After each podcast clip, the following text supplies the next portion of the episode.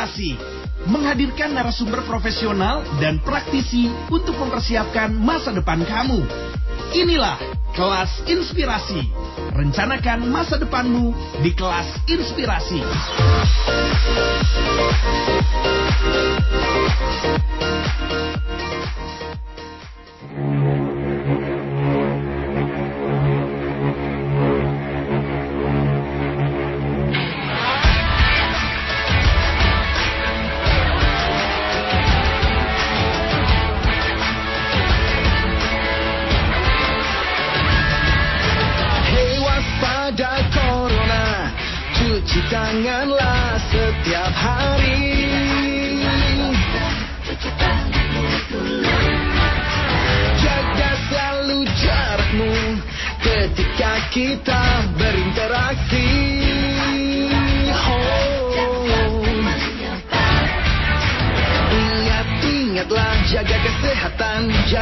Kebersihan Sementara jangan berjabat tangan Demi kebaikan, keamanan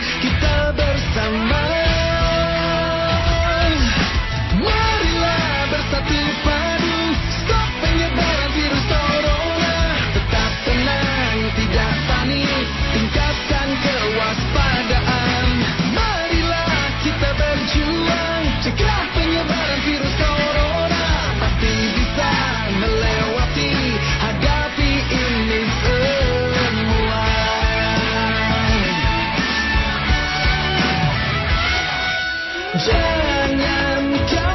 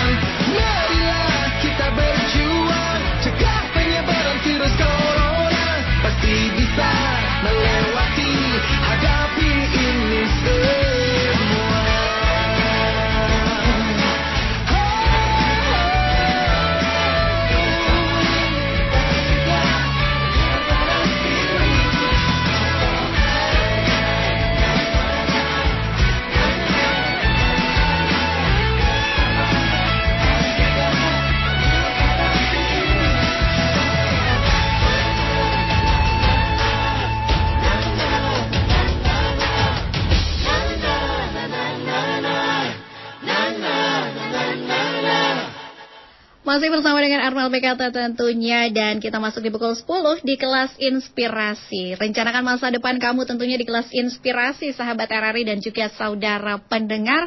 Dan di setiap harinya dari hari Senin sampai dengan hari Jumat selalu saja kita hadirkan di ruang dengar kamu profesi-profesi yang eh, mungkin ini menjadi salah satu cita-cita kamu. Kita akan kulik selama satu jam ke depan tentunya dan sudah terhubung dengan narasumber aku di pagi hari menjelang siang ini yaitu sudah ada Bapak Hastoto Wirawan SSTMME. Waduh panjang nih ya gelarnya nanti kita akan obrolin. Kita sapa dulu tentunya Assalamualaikum Pak Hastoto. Waalaikumsalam Mbak Ermel. Halo Bapak apa kabarnya Pak di pagi hari ini? Selamat pagi, Alhamdulillah sehat. Sehat ya Pak ya, siap deh. Kita ganggu Bapak selama satu jam untuk ngobrol menginspirasi anak muda, boleh ya Pak? Boleh, boleh. Boleh banget ya, siap deh. Oke, ini eh, Pak Hastoto Wirawan, panggilannya apa biasanya Pak nih kalau dikenal di kalangan eh, orang-orang terdekat? Biar aku juga jadi lebih dekat nih sama Bapak. Kalau di SMA dulu Hastoto. Mm-mm. Kalau di semenjak kuliah itu tahunnya Wirawan. Oke. Jadi Ya, mana mana dua-duanya boleh. Boleh ya dua-duanya. Siap deh. boleh. Oke deh ya. Aku panggil Pak Hastoto saja ya. Pak Hastoto ini punya eh apa nih namanya gelar yang cukup panjang ya. Ada SST dan juga MME. Boleh diinformasikan gak sih sama sahabat Arari tentang gelarnya di diperjelas gitu. Ini apa saja nih Pak? Dulu waktu saya di Akademi Ilmu Pelayaran, Oke. saya masuk Akademi Ilmu Pelayaran itu tahun 89. Oke. Mm-mm. Itu karena akademi, jadi belum ada eh, gelarnya cuma D, D3 waktu itu. Oke. mm-mm. Uh, setelah saya berlayar 2 tahun, eh, tiga tahun, 4 tahun, eh, untuk menaikkan jenjang ke eh, tingkat yang lebih tinggi, saya harus sekolah. Oke. Mhm. Harus sekolah mengambil eh, ijazahnya dulu AMK, sekarang ATT 3. ATT 3. Sama. Mm-mm. Waktu zaman saya masih AMK, AMKA ya, ahli mesin kapal. Mm-mm. ahli mesin kapal. Sekarang jadi ATT 3. Setelah itu untuk naik jenjang saya harus ngambil ATT 2. ATT 2 tuh sama dengan S1 lah. Oh, oke. Mm-mm. Nah, saya eh, SSC itu sarjana sen teknik ya. Oh, oke. Mm-mm. Jadi saya, saya kebetulan orang teknik, orang mesin. Mm-mm. Jadi ya sarjana teknik lah. Oh, oke. Itu yang disingkat dengan SST ya, Pak ya. Ya. Kalau MMA itu apa, Pak? Nah, untuk menaik eh, jenjang yang lebih tinggi lagi, karena di kapal itu kan ada jenjang untuk eh, besar kecilnya kapal. Betul? Mm. besar kecilnya kapal itu untuk membawa kapal yang sudah eh, bebas lah di atas yang paling besar pun bebas itu harus mengambil Master Marine Engineer namanya. Mm-mm. MA. Jadi kita ambil sekolah lagi S2 itu gelarnya dapat Master Marine En- Engineer. Oke, jadi MMA itu adalah Master Marine Enge- Engineer ya? Ya, Oke, siap deh kalau begitu. Nah, tuh untuk sahabat RRI yang jadi tadi penasaran kira-kira SST itu apa dan MME itu apa, sudah jelas ya. Oke, Mbak, eh, kita mau flashback dulu nih ke belakang. Bapak tuh lahir besar di Bogor? saya lahir eh, di Jakarta. Oh, oke, di Jakarta. Mm-mm. Di Jakarta tapi SMP kelas 3 Hmm. saya pindah ke Bogor. Oh, oke. Kebetulan orang tua saya punya villa di daerah Bogor. Mm-mm, mm-mm. Jadi kelas 3 akhirnya saya memutuskan pindah di Bogor masuk di SMP Negeri 1 Ciawi. Oh, oke. Mm-mm, mm-mm. Oke, siap ya. Jadi sebenarnya lahirnya di Jakarta, tapi akhirnya eh, sekarang tuh lebih stay-nya di Bogor gitu ya. Bogor. Tapi Bogor. aslinya sih orang orang tua saya Bogor ya. Oh, oh. Saya di di daerah Empang Gendongan gitu lah. Oh oke siap deh ya berarti aslinya orang Bogor siap Pak Hastoto kalau kita bisa flashback sedikit ada kenangan-kenangan manis kah atau ada kenangan yang tidak terlupakan semasa SD, SMP, SMA hingga kuliah ya kita boleh flashback sedikit ya Pak ya Boleh silakan. boleh. Karena kan ini juga supaya menginspirasi anak muda tentunya eh, sebenarnya perjalanannya seperti apa sih sampai akhirnya menjadi seorang Pak Hastoto sekarang begitu ya as sarjana teknik SST dan juga eh, Master Marine Engin- Engineer ini gitu ya. Dulu SD-nya tuh sudah punya cita-cita pengen jadi seorang pelaut nggak sih Pak? belum belum. Malah belum ya. Malah belum. Oke. Belum. Oke. Jadi kalau dulu SD tuh cita-citanya apa Pak? Kalau boleh tahu. Saya malah dulu SD karena saya anak tentara. Hmm, hmm. Bapak saya penerbang angkatan udara. Oke. Dari penerbangnya, eh, saya dulu mau masuk ke, ke angkatan darat malah. Oh gitu ya. Malah angkatan darat bukan ke laut ya. Iya. Oh oke. Oh, oh. Dan pada waktu eh, SD tuh eh, ketika ingin menjadi angkatan darat, terus eh, adakah pada saat-saat masa kecil tuh tingkahnya jadi kayak seorang tentara gitu? Atau gimana tuh Pak? Karena saya tinggal di eh, komplek tentara, Mm-mm. saya tinggal di Halim. Oke. Hmm. Eh, dari lahir sampai besar tuh di Halim, orang tua saya di Halim, dinas di Halim. Oke. Ya didikan tentaranya pasti ada lah. Oke. Hmm. Didikan tentaranya pasti ada. Kalau biasa disebutnya anak kolong ya Pak ya? Nah kolom. Karena aku juga anak kolong Pak. oh gitu, sama ya. kita ya. Iya kita anak kolong pak sama-sama. oh gitu ya. Jadi pasti ada didikan-didikan eh, seperti itu ya. Iya. Oke, bapak dulu tuh kalau SD eh, itu gimana sih pak? Dulu orangnya pemalu, terus kalau di SD banyak temennya nggak sih? Dulu saya tuh eh, super aktif malah waktu Hmm, SD. mm, mm. SD itu saya semua permainan pasti eh, jago lah. Oke, yang paling diingat di zaman bapak SD permainannya apa? SD saya main sepeda itu eh, sudah bisa pakai ban satu itu. Wow. Jadi kalau naik sepeda itu eh, apa? Kalau dibilang sekarang jumping gitu loh. Mm, mm, mm. Tapi jumping ban satu itu nggak cuma sebentar aja itu kadang-kadang bisa sampai berkilo-kilo tuh saya naik naik sepeda itu cuma satu ban aja itu. Waduh, ahli dong nih. Waktu di Halim, iya karena Oh. kita tinggal di Halim. Mm-mm. Terusnya juga kan di sana udara masih bagus. Oke. Mm-mm. Terusnya jalan-jalannya juga bagus Mm-mm. dan juga sepi ya karena Halim kan komplek kan eh, di Halim tuh ada beberapa komplek ada 12 komplek jadi Mm-mm. ya jalannya bagus terusnya juga eh, apa ya sepi jadi ya enak lah waktu itu untuk bersepeda enak lah. Oke, oke. Jadi, kalau sepeda. Oh, oke. Nah, kalau untuk pelajarannya sendiri nih, Pak eh, Hastoto, dulu di SD tuh yang paling disukai pelajaran apa? Saya suka matematik. Waduh, ini kalau gini kita agak berbeda jalur, Pak. Saya malah nggak suka matematika. Kak, kenapa Bapak suka matematika, Pak? Ya seneng aja ya banyak tantangannya lah. Oh, oke, oke ya. Jadi karena banyak tantangannya itu, so that's why Bapak suka matematika ya. Nah, Oke, selain matematika, Pak, apa lagi yang disukai pelajaran dulu di SD? sejarah saya juga suka. Oh, sejarah, ya. Oke. Berarti kalau dulu masa SD berarti eh, semuanya berjalan normal layaknya anak-anak SD sekarang kali ya, Pak ya? Bisa disebut kayak Ya, gitu ya? normal. Mm-mm, Oke. Kalau pas waktu SMP sendiri Pak gitu sudah mulai eh, berubah nggak sih cita-citanya gitu? Tadinya pengen jadi angkatan darat atau akhirnya masih sama? Dan SMP sudah mulai pindah ke Bogor ya Pak ya? Sudah, eh, belum belum. SMP kelas 1, kelas 2 saya masih di Oh, Jakarta. oh masih di Jakarta. Oke, oke. Nah, kalau dulu di SMP apa hal yang paling diingat nih, Pak? Eh, saya SMP itu mulai belajar main gitar. Hmm, hmm, hmm. Jadi sebenarnya dari SD sih, dari SD udah mulai belajar, tapi mulai bisa-bisanya tuh SMP lah. Oh, Oke. Hmm. Di SMP saya udah mulai bisa main gitar, tapi tetap eh, cita-cita masih angkatan darat waktu itu. Oke, belum berubah ya. Belum berubah. Oke, oke, oke. Terus ikut organisasi-organisasi gitu nggak sih, Pak? Dulu SMP? Saya SMP karena saya pindah kan, pindahan begitu eh, saya ya pramuka lah paling ya. Di, Mm-mm. di, di SMP kelas 1 kelas 2 tuh pramuka lah. Mm-mm, mm-mm. Begitu mas pindah ke SMA eh, SMP Ciawi ya Mm. karena saya anak baru kan ya sudah akhirnya mulai eh, paling ya duduk sana, duduk sini sama teman-teman kadang-kadang Mm. sekolah bawa gitar, main gitar di kantin gitu nyanyi gitu aja. Oh, Oke, oke. Dan Dulu kalau Nah. SMP di Bogor, SMP di mana, Pak? Kelas 3-nya? SMP, Negeri 1 Ciawi. Ah, Satu Ciawi, betul. Ya, aku lupa tadi padahal ada salam dari Pak Budi loh. Oh iya, iya, iya. salam dari Pak Budi. Pak, Iya, salam.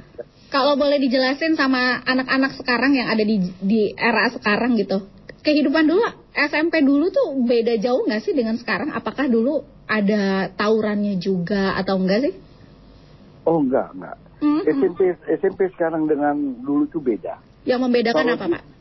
Bedanya dulu itu anak-anak dulu ini maaf ya, anak-anak dulu tuh lebih gentleman.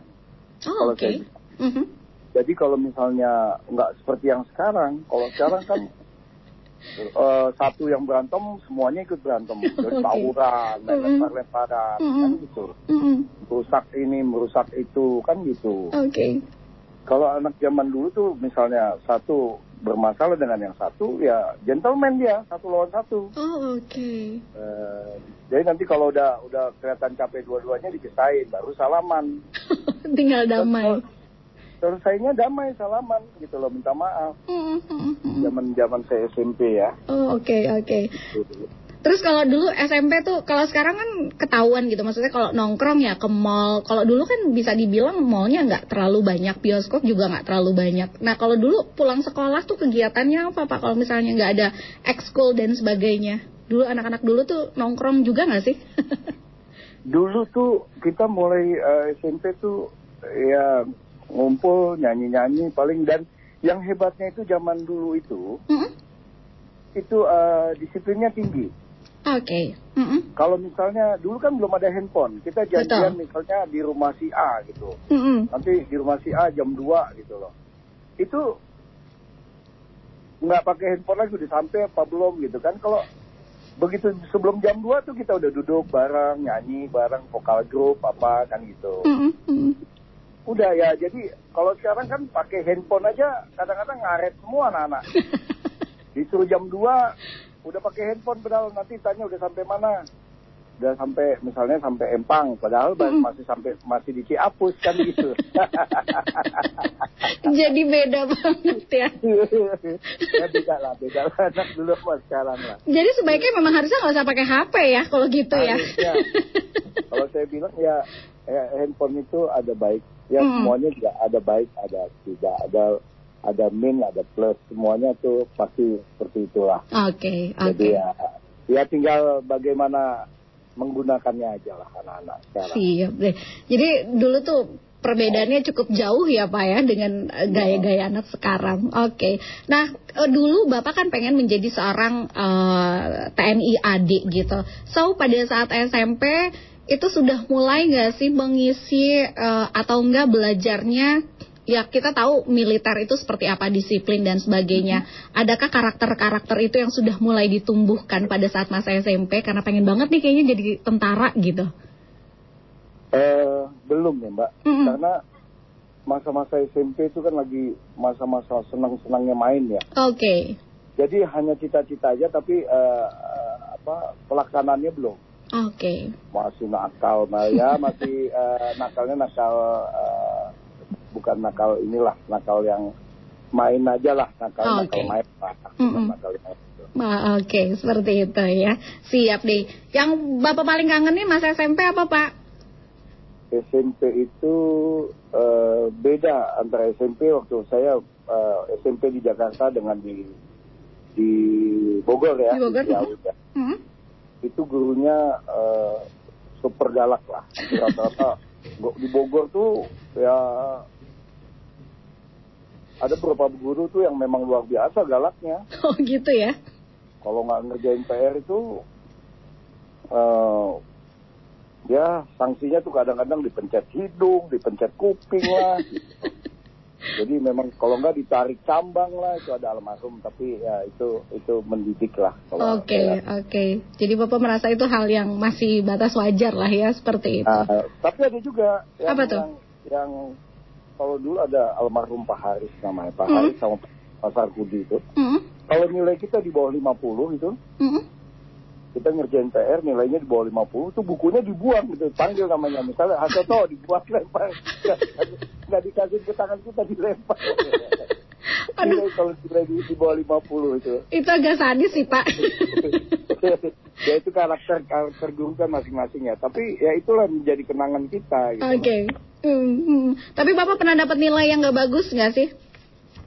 ya eh, zaman-zaman SMP pastinya iyalah saya Oke. tidak pin- saya saya tidak pinter-pinter banget Hmm. saya tidak bodoh-bodoh banget. Oh, Oke ya, oke.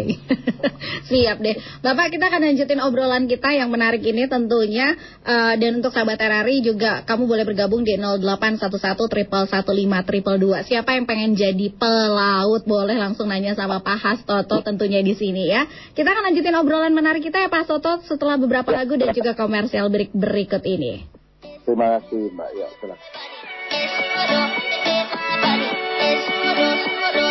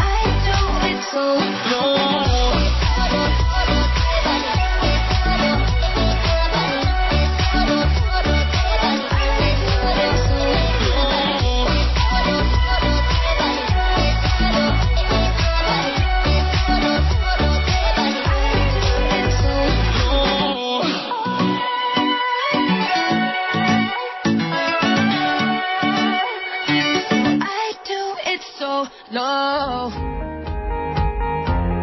Kantor BPJS Kesehatan buka nggak ya? Selama PSBB tetap buka kok, mulai jam 8 sampai jam 14. Tapi pelayanannya terbatas dan hanya diberikan bagi peserta penerima bantuan iuran dan pelayanan pengaduan yang membutuhkan penyelesaian segera. Terus untuk pelayanan yang lainnya? Untuk menghindari kontak langsung dan memutus mata rantai penyebaran virus corona, peserta bisa memanfaatkan pelayanan tanpa tatap muka melalui aplikasi mobile JKN dan mengakses layanan digital seperti Cika, chat asisten JKN, atau pelayanan informasi melalui chatting via WA ke nomor 0811 8750 400, Telegram, dan Facebook Messenger BPJS Kesehatan. Segala informasi dan layanan bisa kamu peroleh di situ. Kamu juga bisa menghubungi Vika, Voice Interaktif JKN, melalui BPJS Kesehatan Care Center 1500 400. Gampang ya, bisa tetap di rumah aja.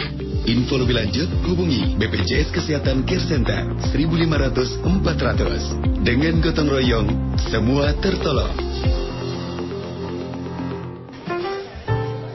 Kamu kan sekarang lagi kerja. Kok tiba-tiba wisuda sih? Loh, kamu emang nggak tahu? Aku kan kuliah di universitas terbuka. Lah emang bisa fokus ya? Jangan salah, zaman sekarang kuliah tuh udah sangat mudah dan fleksibel lagi. Oh begitu. Emang universitas terbuka itu apa sih, Cak? Universitas Terbuka adalah perguruan tinggi negeri satu-satunya di Indonesia yang menyelenggarakan pendidikan tinggi terbuka dan jarak jauh. Di UT ada program S1 dan diploma. Untuk fakultasnya ada Fakultas Matematika dan Ilmu Pengetahuan Alam, Fakultas Hukum, Ilmu Sosial dan Ilmu Politik, Fakultas Ekonomi dan Fakultas Keguruan dan Ilmu Pendidikan, serta ada PGSD dan PG PAUDnya juga loh. Cara pendaftarannya gimana tuh, Cak? Gampang banget, datang aja ke kantor UPBJJ UT Bogor di Jalan Kiai Haji Soleh Iskandar nomor 234 Tanah Sareal Bogor. Telepon 0251 755 9244 atau fax 755 9238 atau bisa juga kunjungi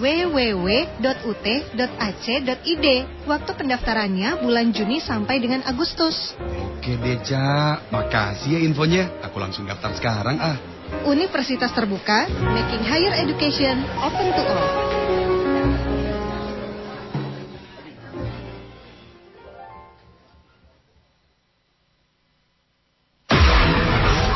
Lima arahan Presiden soal penerapan adaptasi kebiasaan baru, yakni pentingnya prakondisi yang ketat, yakni protokol kesehatan yang harus diikuti masyarakat, seperti menggunakan masker dan lain-lain. Perhitungan yang cermat dalam mengambil kebijakan berdasarkan data dan fakta di lapangan. Menentukan prioritas sektor dan aktivitas mana yang bisa dimulai atau dibuka secara bertahap konsolidasi dan koordinasi pemerintah pusat dan daerah sampai ke tingkat RT terus diperkuat dengan melibatkan masyarakat bersinergi menyelesaikan persoalan besar ini, melakukan evaluasi secara rutin, meskipun sebuah daerah kasus barunya sudah menurun. Jangan lengah, karena kondisi di lapangan sangat dinamis.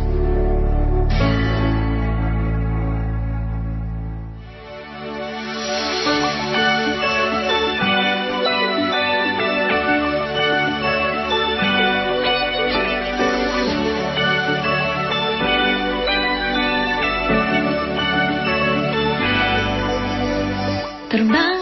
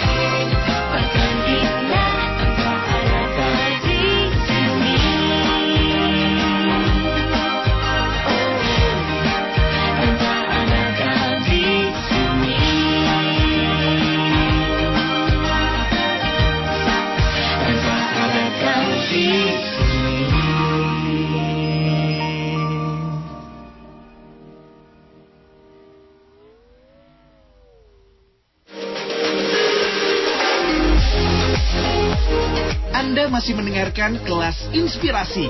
Rencanakan masa depanmu di kelas inspirasi.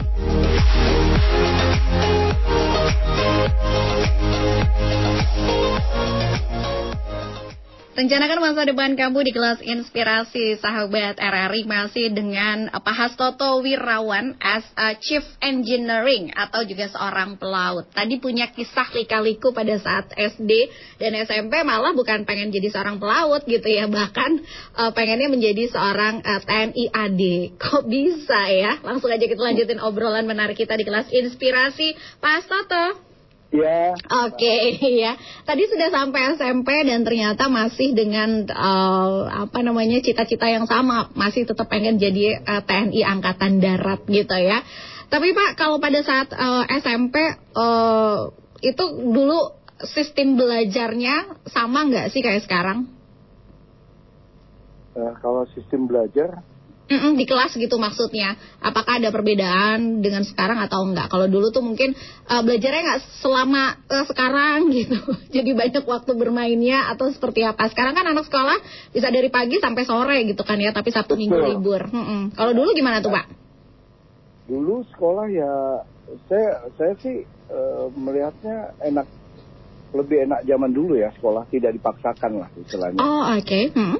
Tidak dipaksakan intinya mereka belajar tuh ya pesannya tidak dipaksakan lah Mm. kalau kita kan dulu kan jam 12 jam 1 sudah pulang Benar. Mm-mm. kadang banyak waktu mainnya tapi saya lihat anak-anak saya tuh sekarang ya lebih banyak tugas sih ya tapi lebih eh, ada plus minus lah intinya. Mm-mm. Oh, oke. Eh, intinya ada plus minus lah Oke, oke, siap ya. ada baiknya Dulu tuh kalau eh, kalau sekarang kan banyak nih Pak tempat les tempat les begitu ya di mana eh, menunjang juga gitu buat yang pengen nambah ilmu di bidang eh, IPA atau IPS. Kalau dulu juga banyak gak sih tempat les Pak kayak zaman sekarang?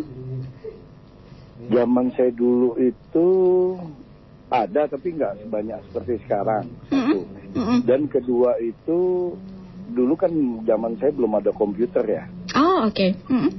adapun komputer paling eh, setelah SMA deh mulai ada komputer tuh kalau nggak salah Mhm. mulai mulai ini dulu ya benar-benar inilah ya zaman tahun 80-an lah. 8 apa itu kan 8 berapa tuh 85 ya 84 5 kalau SMP. Oke, Bapak kalau boleh dapat bocoran sedikit gitu ya, pernah dapat ranking satu atau dua atau tiga gitu Pak? Pernah nggak sih? Eh, enggak, saya standar-standar aja dulu waktu SMP Mhm. itu masih standar lah, masih seneng main ya. Oke. Malah ada kenangan pahit di SMA saya. Oh oke, sekarang kita ke SMA nih. Kenangan pahitnya apa Pak? Dulu waktu SMA saya tuh karena begitu masuk SMA mulai tidak terkontrol. Kebetulan eh, orang tua saya di Halim, saya kan tinggal dengan pembantu aja waktu itu ya. Mhm. Dengan pembantu karena di di villa kan. Oke, Jadi betul. ti- tidak terkontrol, jadi main saja bawaannya. Sampai akhirnya ini ini ini ini kenangan lah boleh. yang tidak bisa terlupakan. Tapi itu merupakan eh, pemacu untuk hidup saya. Mhm, mhm, Saya waktu di kelas 1 SMA itu karena banyak main, mhm. akhirnya saya sempat tinggal kelas. Oke, dulu SMA SMA mana Pak? Nah, saya dari SMP Ciawi masuk ke SMA Negeri 1 Ciawi. Oh masih di sekolah yang sama ya? Oke. Ya, saya sempat tinggal kelas. Mhm. begitu tinggal kelas saya sempat tinggal kelas di kelas 1 waktu itu eh, kalau kalau saya pindah saya naik kelas 2 tapi kalau saya tidak pindah saya tidak naik kelas gitu kan Mhm, mhm. Tapi karena saya sudah cinta sudah terlanjur cinta dengan SMA waktu itu saya memutuskan untuk tetap di SMA walaupun tidak naik kelas Oh oke. karena saya berpikirnya gini terlambat itu bukan suatu kegagalan Mhm, mhm. jadi eh, terlambat itu adalah kesuksesan yang tertunda Oh, Oke. Mhm, oke mhm. begitu saya merasa eh, saya tidak saya tinggal kelas, akhirnya saya memacu diri saya untuk jadi baik, menjadi terbaik gitu loh. Oh oke oke. Dulu kenapa jadi bisa nggak naik kelas tuh Pak? Ya karena udah mulai main gitar, sudah mulai nongkrong, udah mulai ini ya itu itu itu kenangan lah. Ini untuk anak-anak yang sekarang mudah-mudahan jangan eh, jangan pernah merasakan seperti saya, tapi kalau saya merasakan itu sebagai pemicu untuk hidup saya sampai sampai sekarang ini, Mhm. akhirnya saya bisa mencapai eh, sekolah yang saya rasa sudah eh, top lah di di di, di apa di kejuruan saya sudah tidak ada sekolahnya lagi Betul. sudah betul. di udah di eh, apa namanya sudah jadi master marine engineer Hmm. itu udah nggak ada sekolahnya lagi lah sudah Oh. mentok Oh oke ya. nah Hmm. ini ini ini ini saya cerita yang eh, yang yang yang benar ya Betul. Artinya yang yang real Mhm, mhm. Betul Nah, betul. tapi waktu di SMA itu akhirnya saya eh, banyak banyak juga eh, apa menyumbangkan kebaikan lah untuk SMA. Oh, Oke. Mm-mm.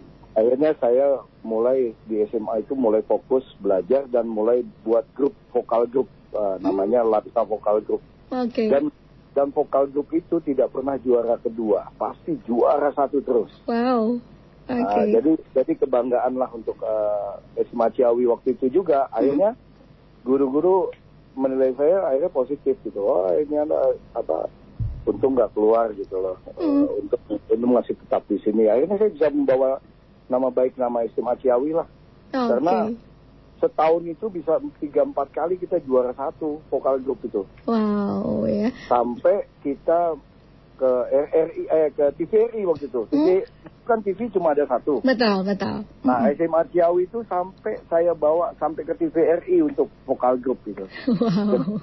Nah, dengan waktu itu dengan Tri Utami ya. Mm, mm. Kita dengan acaranya dengan Tri Utami. Yaitu satu kebanggaan lah untuk saya Betul. waktu di Oke. Jadi dulu di vokal grup eh, Bapak sebagai apa nih?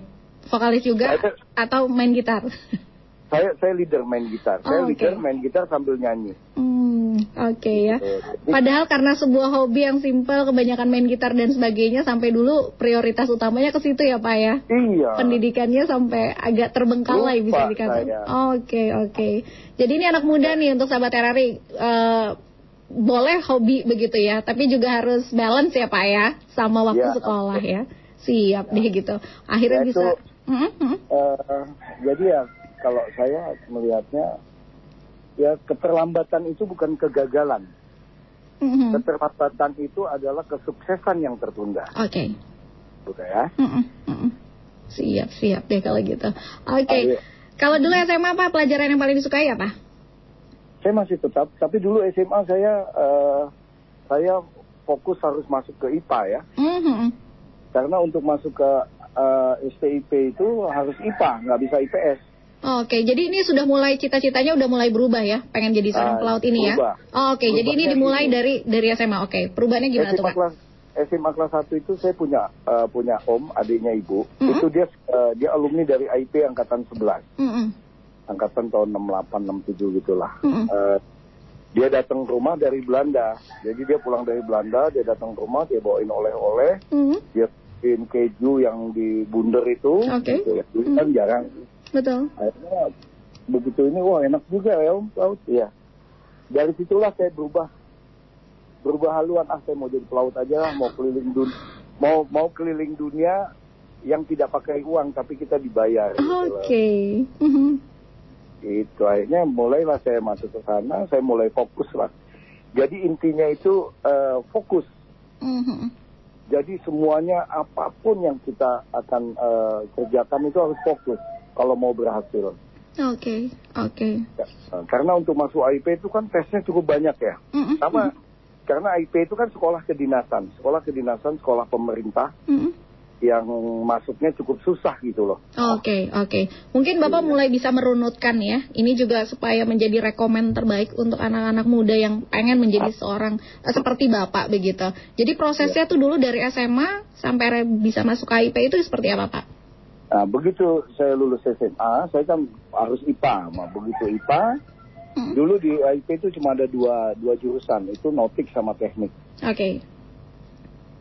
Akhirnya saya ikut tes. Itu tesnya tuh banyak sekali. Tahap pertama itu pendaftaran dulu, Mhm. tahap kedua seleksi administrasi. Administrasi ada apa terini dengan PKI atau tidak. Punya ya kelengkapannya lah Oke. administrasinya. Mhm.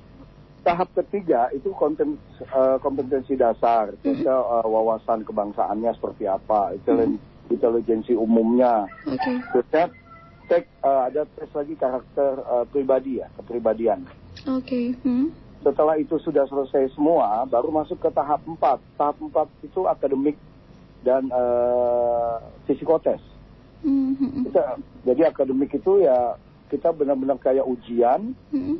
yang tidak bisa nyontek, tidak bisa apa, makanya harus benar-benar fokus belajar lah untuk masuk ke situ.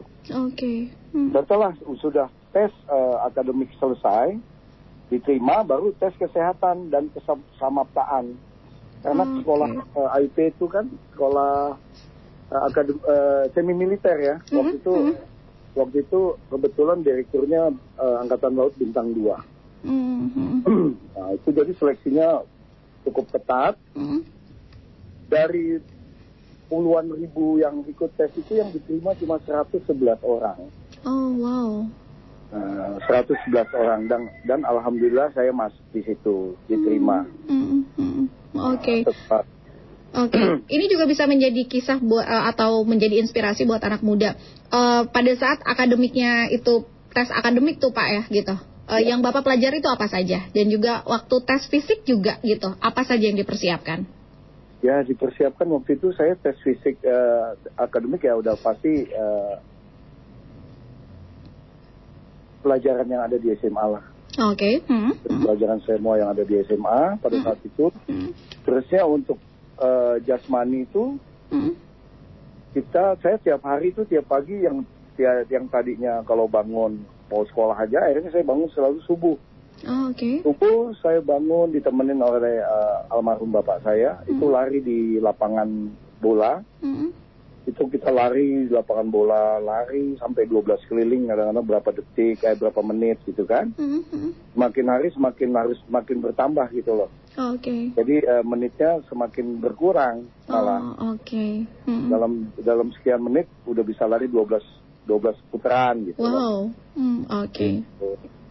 Ya semua semua akhirnya ya saya saya benar-benar fokus lah waktu itu. Jadi intinya sih fokus aja lah. Hmm, Jadi kalau kalau kita mau mau mau mau ambil satu apa rencana itu A ya sudah A saja di, di, difokuskan. Oke. Oke. Jadi, jadi tidak bercabang-cabang ya. Betul, betul. Siap deh ya. Pak Soto, kita akan lanjutin obrolan kita setelah beberapa komersial break berikut ini ya Pak ya. Jadi untuk sahabat RRI nih, yang pengen jadi seorang pelaut tuh ya, dan ini penting banget nih pesan dari Pak Soto, harus tetap fokus, jangan bercabang-cabang. Di 08 11 115 Masker, don. Sarung tangan, don. Hmm, jaket, don. Hand sanitizer, don. Apalagi ya? Waduh, Cok, mau ke mana eta? Mau ke kantor PLN, ya buat nambah daya, Mang. Listrik saya teh ngecepret wae. Gara-gara pandemi corona kan, saat ini suami dan anak-anak jadi pada kerja dan belajar di rumah. Terus ini jahitan masker dan APD juga lagi banyak-banyaknya ini teh. Terus kenapa Cepopon malah pergi keluar rumah? Kan PLN bisa dihubungi lewat PLN Mobile. Gampang pisan, gak ngabisin pulsa telepon. Cukup download aplikasi PLN Mobile, login, lalu pilih menu tambah daya. Mudah dan aman kan? Oh iya benarnya, mana lagi musim si virus coronanya. Untung ada PLN Mobile. Hatur nuhun ya PLN Mobile, urusan listrik di genggaman tangan. Masih belum mendapatkan bansos, sembako yang diterima berkualitas buruk, atau dugaan penyelewengan bansos? Sampaikan sekarang di Jaga. Jaga platform pencegahan korupsi kini mengembangkan fitur baru untuk pelaporan dan cari tahu informasi seputar bansos. Caranya mudah, hanya dengan download aplikasi Jaga di Play Store atau App Store atau segera kunjungi website www.jaga.id. Gunakan fitur login atau daftar untuk masuk ke akun Jaga. Lalu klik cari tahu. Pilih provinsi dan kabupaten untuk melihat informasi lengkap seputar data bansos dan panduan seputar bansos COVID di daerah tersebut. Lalu apabila ada yang ingin kamu sampaikan, klik sampaikan keluhan. Isi form keluhan, pilih topik yang ingin dikeluhkan, cantumkan NIK dan nomor HP yang bisa dihubungi, lalu upload bukti apabila ada. Apabila sesuai, laporanmu akan langsung diteruskan ke pemerintah daerah terkait. Yuk, jagain bansos bersama. Pesan ini disampaikan oleh Komisi Pemberantasan Korupsi.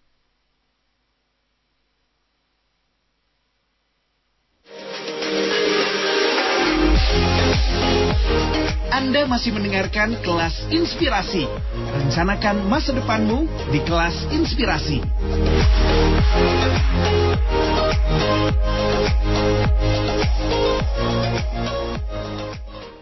Masih di kelas inspirasi masih bersama dengan Ernal Bekata dan kita masuk di segmen terakhir tentunya bersama dengan Pak Hastoto. Sudah mulai banyak yang menginspirasi dari kisah Pak Hastoto nih. Salah satunya tadi gitu ya.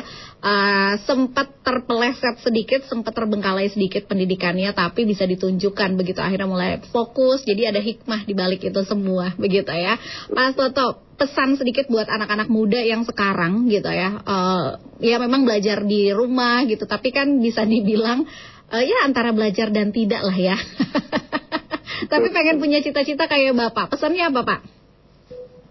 Pesannya ya sekolah yang kalau eh, ya tadi fokus lah. Jadi saya kan sempat nggak fokus itu. Betul? Tapi terusnya karena ada pembelajaran akhirnya saya menjadi fokus dan berusaha untuk eh, lebih baik daripada yang baik gitu, menjadi yang terbaik lah. Oke, oke. Hasil. Mm-mm, seperti itu ya Pak. Baik, eh, Bapak tadi eh, pada saat masuk AIP itu gitu ya, tadi sejumlah tes dilakukan. Itu berapa lama sih Pak untuk tesnya itu? Eh, satu bulanan lah ya. Oh satu bulanan. Satu bulanan. Oh oke. Yang paling sulit apa Pak? Pada saat eh, ada semua tes itu, baik itu dari akademik, psikotes, terus juga eh, kesehatan dan sebagainya. Yang paling sulit yang mana Pak? Yang paling sulit Menurut itu ya eh, semuanya sulit sih. karena karena apa ya? Karena kan ini puluhan ribu yang daftar itu. Oh oke oke. Puluhan ribu dari berbagai pulau, dari Sabang sampai Merauke itu eh, waktu itu ya banyak sekali karena salah satunya ya sekolah dengan biaya yang minim lah ya. Bisa di- Oke oke ya. Jadi ya ya menurut saya sih semuanya sulit lah. Oke. Jadi jadi jangan jangan eh, jangan pernah merasakan eh, menggampangkan sesuatu. Mhm. Jadi setiap tes itu anggap aja semuanya sulit. Jadi ya kita berusaha akhirnya Oke, biar ada Gitu. ada ada rasa tertantang seperti itu ya Pak ya. bertantang. Iya, karena kalau kita eh, menganggap eh, sepele hal yang kita anggap eh, eh, mudah itu kadang-kadang orang suka kejeblos di situ. Oh oke oke siap deh ya.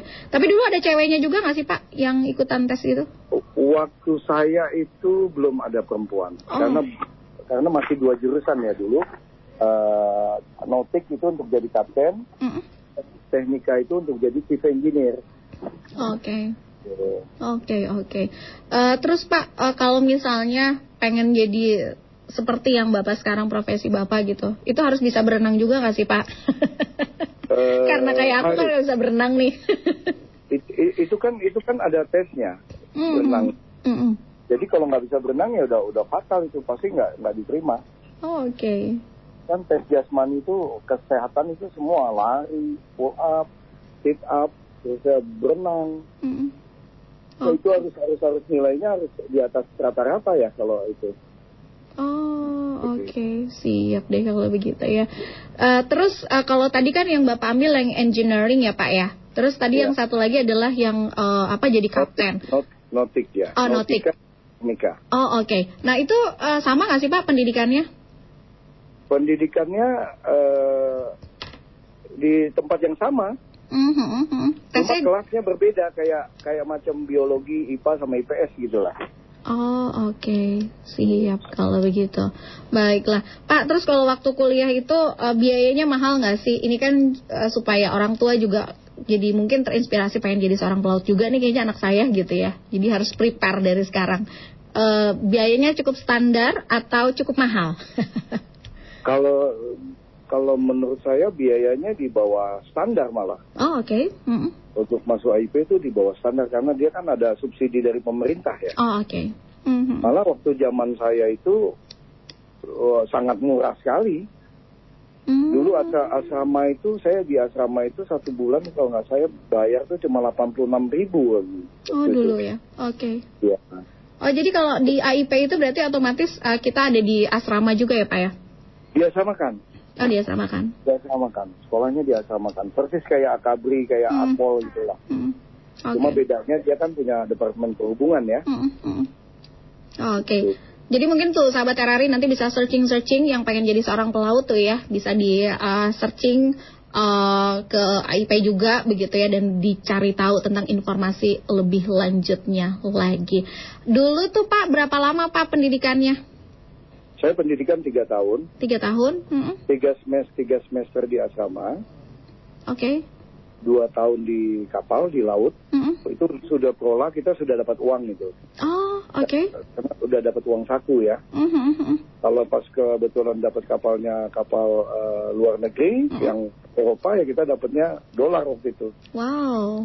Jadi sudah dapat uang lah. Udah. Makanya semester 3, eh, 4, 5 itu kita sudah tidak mengeluarkan uang, menghasilkan uang. Malah Sudah menghasilkan uang ya. menghasilkan Jadi uang. ini bisa dikatakan sebuah profesi yang sangat menjanjikan ya Pak ya?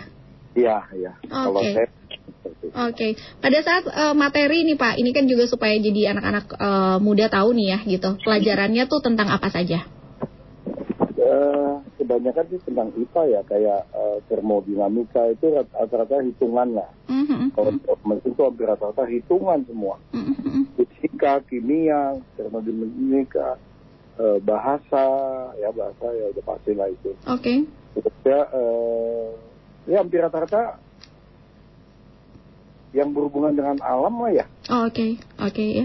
Ya, Tadi- makanya kan di sana harus masuk IPA, harus biologi atau fisika. Oh, oke, oke ya. Jadi itu mungkin pada saat eh, tiga semester itu dikulik lebih lagi gitu ya Pak ya? Ya, kalau mesin kan banyaknya hitungan tuh. Oh, betul. Ya, makanya kebetulan saya senang matematik, jadi saya senang gitu loh. Jadi ketemu yang pas ya.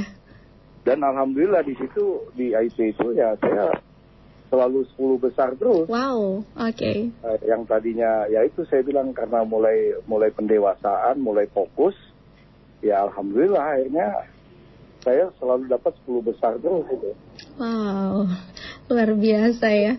Oke, berarti tadi sudah tiga semester pelajarannya itu yang dipelajari rata-rata, nah terus mulai masuk ke eh, lapangan langsung alias tadi langsung ke kapal gitu ya Pak ya. Ada pengalaman menarik nggak Pak for the first time eh, ketika ada di eh, that ship gitu? Saya kenangan di Prola. Waktu Prola itu saya sudah sudah ke Eropa. Mhm. Jadi waktu Prola saya di Jakarta Loid itu udah masuk eh, ke Belanda, Amsterdam. Mhm. Ya sudah masuk ke sana lah, sudah mulai mulai belajar lah, Bela- belajar sambil kalau katanya belajar sambil belajar bisnis lah waktu itu. Mhm, mhm, Betul.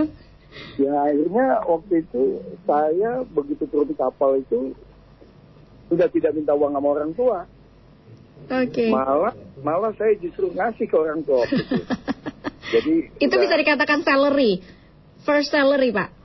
eh, itu uang saku sih tetap uang saku. Oh, uang saku. Dulu berapa sih Uang Pak saku. kalau boleh dikasih tahu bocorannya biar makin semangat nih anak-anak muda. Dulu sih nggak nggak besar ya kalau uang uang uang kita itu sekitar pada waktu itu sekitar 600 800 gitu lah. Wah, 600 di zaman itu gede lah Pak, di zaman itu. besar, sudah lumayan lah. Iya, sudah lumayan. Oke, oke. Malah itu disebutnya sebagai uang saku ya Pak ya. uang saku. Tapi Hmm, tapi tapi kan kita waktu itu justru sudah mulai belajar mencari uang gitu. Oh, oke. Mm-mm. Ya, jadi apa yang bisa dibawa dari sini ke sana gitu. Terusnya kita eh, masuk Jepang juga waktu itu. Mhm. Jadi di Jepang tuh ada namanya eh, barang-barang second second hand itu dibilangnya sekohang. Mm-mm, mm-mm. Kalau di Jepang tuh sekohang tuh barang-barang second yang misalnya sepeda, Oke. eh, ya eh, tip apa segala macam itu yang ada di di sana kan barang-barang secondnya masih bagus-bagus ya. Mm-mm. Jadi kita am, kita beli, kita ambil bahkan kadang-kadang nggak beli tuh sepeda tuh di pinggir-pinggir jalan tuh ada kalau mau ambil aja jadi sampah Waduh, gitu. waduh. Dia jadi sampah tapi Oh. Begitu kita bawa ke Indonesia jadi uang. Akhirnya, Jadi berharga banget ya. eh, eh, akhirnya itulah yang jadi uang. Oh, oke, oke. Siap Iya. ya. Oke, Pak, ini tidak terasa waktu jua yang harus memisahkan obrolan menarik kita di kelas inspirasi. Tapi pesan terakhir dari Pak Hastoto atau wejangan begitu ya, ada di posisi yang seperti sekarang ini, di tengah kondisi yang seperti sekarang ini dan juga Bapak melihat anak-anak muda sekarang seperti eh, kondisinya seperti ini gitu. Pesan terbaik dari seorang Pak Hastoto untuk mereka semua apa? Kebetulan eh, saya orang Indonesia, salah satu orang Indonesia yang bekerja di negara lain di Singapura sampai Oke. detik ini. Oke, Pak. Saya menjadi eh, technical manager di salah satu perusahaan Singapura. Oke.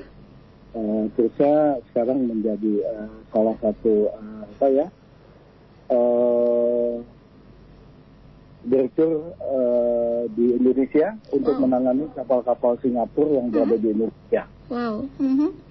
Gitu. Jadi saya eh, ship manajemen lah, ship manajemen kapal-kapal Singapura yang yang ada di Indonesia, Oke. yang beroperasi di Indonesia. Jadi semua keputusan kapal-kapal Singapura itu untuk charter dan segala macam itu ada di bawah kepemimpinan saya. Wow. Mhm. Di- Mhm. Mhm. Ya mudah-mudahan saya memberikan inspirasi kepada generasi muda satu jangan keterlambatan itu jangan eh, jangan dianggap suatu kegagalan. Oke. satu. Kedua eh, tetaplah fokus apa yang diinginkan. Mhm. jangan bercabang-cabang. Jadi eh, kalau memang sudah mau jadi tentara ya fokus mau jadi tentara. Apa yang harus eh, disiapkan untuk menjadi seorang tentara? Kalau untuk menjadi pelaut ya siapkan apa yang akan menjadi eh, seorang pelaut. Oke. intinya orang tua se apa saya dulu cita-cita saya ingin keliling dunia karena pelaut bisa keliling dunia itu yang cita-cita saya Oke, siap deh kalau begitu. Pak Soto sukses untuk Bapak, sehat selalu juga ya Pak ya. terima kasih Iya, mbak siap. El. Semoga di tengah eh, pandemi COVID-19 ini Bapak juga beserta seluruh keluarga dalam lindungan Tuhan Yang Maha Esa ya Pak ya. amin Siap Mbak. kalau begitu. Bapak terima kasih untuk waktunya sudah berbicara, Ya. berbincang sama kita di kelas inspirasi di Pro 2 RRI Bogor. Oke kalau begitu. Budi ya, Mbak. Siap, siap nanti saya sampaikan. Terima kasih Pak. Selamat siang. siang Oke deh untuk sahabat RRI terima kasih eh, sudah mendengarkan di kelas inspirasi dan tepat pukul 11 ini kita akan kembali bergabung dengan Pro 3 RRI di Jakarta untuk mengikuti dinamika olahraga dan kembali bersama dengan RRI Bogor nanti tepat pukul 4 sore hari. Semoga apa yang sudah diinformasikan di kelas inspirasi juga bisa menginspirasi kamu semua tentang masa depan kamu. Ermal berkata pamit undur, see you bye bye and God bless you.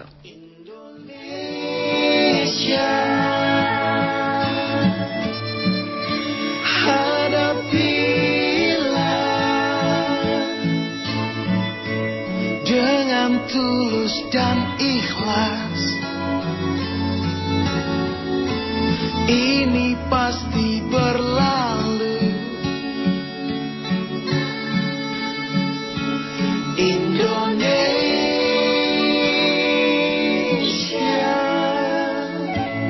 Wujud apresiasi kami kepada dokter, juru rawat, relawan, TNI, Polri, dan semua pejuang kemanusiaan di garda terdepan hadapi pandemi COVID-19. Kalian adalah pahlawan sejati.